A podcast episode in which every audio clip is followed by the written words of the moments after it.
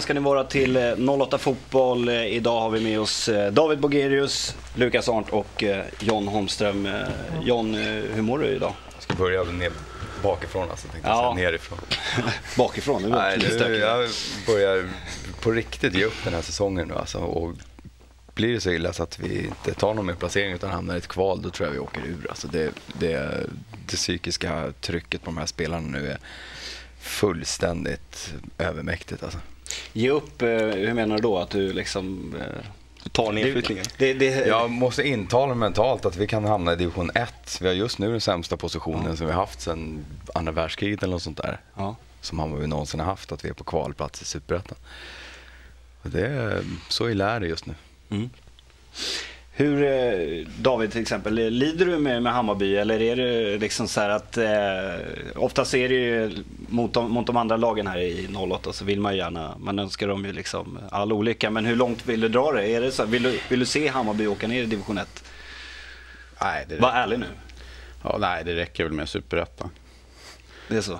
Ja, det tycker jag. Ja, visst, jag, visst, visst lider jag med. Man har ju en del bra grönvita vänner och visst lider jag med dem. Det måste jag erkänna. Ja, men hur, det är ju den anledningen. Vi skrattar man i Gnaget och Djurgården dåligt, men man har ändå så pass många polare och nära vänner så att de lider man ju med när det går dåligt för Det finns ju liksom många som är så extrema så att de Djurgårdare vill att AIK liksom ska försvinna som förening och säkert tvärtom och, och säkert ja. mot Hammarby. De har inga vänner. det är så det kanske är. Lukas, hur känner du? Alltså jag tycker mest synd om Bayern just nu faktiskt. För det kanske är ännu värre att höra än att jag sitter och hoppas att ni ska åka ur. Ja, eh, det, igår var det ju väldigt svårt att hålla sig från skratt att både Åker och Pontus och sen Holster också såg till att eh, sänka er på Söderstadion. Men, men eh, självklart så tycker man lite synd om de vännerna man har, även fast inte jag har så många vänner som håller på Bayern. Nej, så kanske det är. Hur känner du då? Du kanske vill att eh, Djurgården ska åka ner i, i Superettan? Och vi i bästa fall får möta dem nästa år? Ja. Okej, okay, jag saknar derbyt, men jag tror att ett derby i Superettan skulle inte alls vara lika mycket glädje som i, i uh, Allsvenskan, så jag vet inte. Jag är splittrad där. Mm. Jag saknar derbymatcherna jättemycket, alltså, men jag förstår ju om det är en, en knivig match som verkligen gäller någonting. Alltså, det kan inte komma något bra ur det. Nej, det kan det nog inte göra. Den skulle inte få spela på Söderstadion. Nej, förmodligen inte. Det lär inte vara någon ändring i de reglerna. Så dessutom skulle vi bägge få spela på Råsunda. Så det är, det är ju en bortamatch till. Liksom. Så att, ja, jag vet fan. Men det, det, man kan säga som tröst är, jag minns ju Djurgårdens kval här 2009 från Allsvenskan då visserligen, men ändå kval.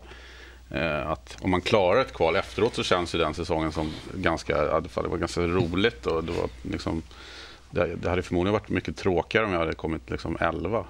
Mm. Men det, det, krävs ju då att man klarar kvalet. Liksom. Ja, Exakt. Det handlar om att tänka positivt. Ja, men det är ju så. Vi, vi, eh, jag och eh, Pavlidis, vår, vår redaktör här, har ju snackat lite om det att eh, lidelsen och lyckan är nästan samma för varje supporter oavsett lag. Alltså oavsett eh, eh är man kanske med om ett lag, säg att man håller på Barca till exempel som vinner ligan och vinner Champions League hela tiden så, så kanske man liksom höjer tröskeln. Man kanske inte blir lika glad över ett Champions League-kval. Till exempel kanske Bayern blir liksom, som Bayern kanske man blir ännu gladare om ni, om ni tar er upp till, till allsvenskan till exempel. Fast det inte är en liksom, större bedrift på det sättet. Ja, du menar att, menar? att glädjen och de här känslorna ja. blir starkare i olika sammanhang. Så. Det är ja. klart att det blir det. Liksom. Eh, Göteborgs femte guld på 90-talet var väl förmodligen inte hälften så roligt som det första till exempel för dem Exakt. som höll på IFK Göteborg. Nej, men till exempel Hammarby har ju bara ett eh, guld, men när ni vann det så var det ju liksom, då kändes det som att ja, ni hade vunnit ja. VM. Ja, men det, verkligen, det var ju verkligen totalt out of the blue och efter då massa år i division 1 och sådana grejer. Det, ja, men det är väl klart att det är så. Nu skulle ju verkligen att få gå upp till Allsvenskan nu skulle ju kännas som ett SM-guld. Alltså det, det är ju så. Mm. Vi behöver lite, lite späk här för att komma tillbaka i riktig vinnarkänsla. Pavlidis har hittat, eh, han är väldigt filosofisk av sig. Så det finns en filosof som heter Khalil Gibran som säger så här, ju djupare sorgen gräver sig in, desto mer glädje får ni rymma. Om vi ska vara lite djupa här i 08. Och Lukas, du till exempel, eh, ditt AIK var ju nere i, i Superettan. Mm. Det var ett tag sedan. Eh, det var ett tag sedan, 2005. Men mm. sen när ni kom upp så, så eh, gjorde ni verkligen bra. med storm. Och då ja. kan jag tänka mig också samma sak där, att lyckan var liksom ännu större. Ja, ja, självklart. Eh, få komma upp och slå Djurgården dubbelt upp i, den, eh, de derbyna också.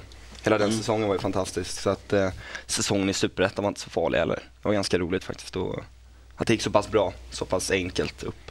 Så att, eh, Så då håller ju vår tes här alltså. ja men lite. Lite klart, eh, man blir ju gladare när man väl har varit nere och sen tar sig upp till Allsvenskan. Så är det ju. Och Djurgården har varit lite omvända. De hade gulderan där och sen gick det liksom. Då, då ställs ju förväntningarna. Då är det ju liksom att det, guld är det enda som räknas. Så är det i och för sig nästan alltid när man pratar om de här klubbarna. Jo, jo visst. Nej, men Djurgården har, det är ju länge sedan Djurgården var nere nu.